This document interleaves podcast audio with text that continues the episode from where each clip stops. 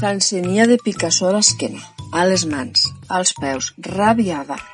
L'havien avisat, ho havia sentit dir de sempre, però no va voler afigurar este fet.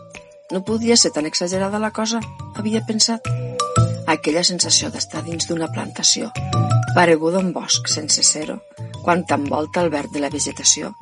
Contemplar la posta de sol des d'allí dins, quan notes que els reflexos daurats, rojos, liles i roses t'il·luminen la cara i aixeques lo cap i allí està el cel, tacat per grups d'aus que van en busca del seu espai per a passar la nit, del seu niu o del seu raconet a l'abadia. Un privilegi extasiant, traure lo cap entremig del verd escoltant la remor de l'aigua que corre, que juga als remolins. Només voltant 90 graus i la visió es transforma. Un teló de fons, marró, esblavit, quasi lilós. Ganes de voltar com una baralluga, de pegar voltes sense parar, com un derbig i entrar en èxtasi quasi en bogeria. Sentir la llibertat de la terra humida, tocant les plantes dels peus, escoltant els sorolls de la vida, la real, la lliure.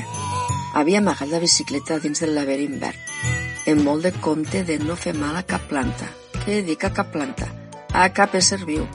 Li havia fascinat des de sempre mirar les formigues, incansables treballadores, caminants eternes, carregadores de qualsevol granet, molleta o trosset d'alguna cosa que es pogués menjar. Les imaginava tamany humà i li recordaven les fileres d'esclaus que havien treballat a la construcció de les piràmides d'Egipte. Organitzats en grups, però en lloc de treballar per a un faraó, elles treballaven per a una reina, per al seu esplendor reproductor, que a la vegada tornava a eixamplar aquell petit exèrcit d'esclaus, seguint l'imparable roda de la vida.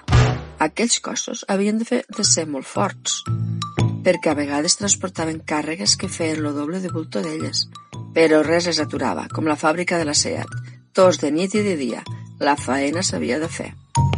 En aquell moment va donar-se en compte de l'estragament que tenia. S'ofegava de set. Si podia, s'assucaria una botella d'aigua i se l'acabaria de cop, encara que es fes xerrateres per damunt de la roba. Però s'estava tan bé allí dins, que també era allí fora. I pensant això es va dormir.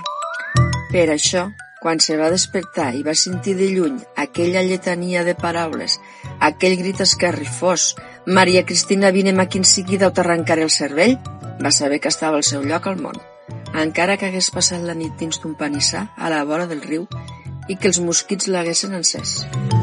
Havia rabiat massa durant tres mesos a Barcelona, dins d'aquell piset de mala mort, que només tenia dos finestres exteriors i que només podia treure-lo cap i oco.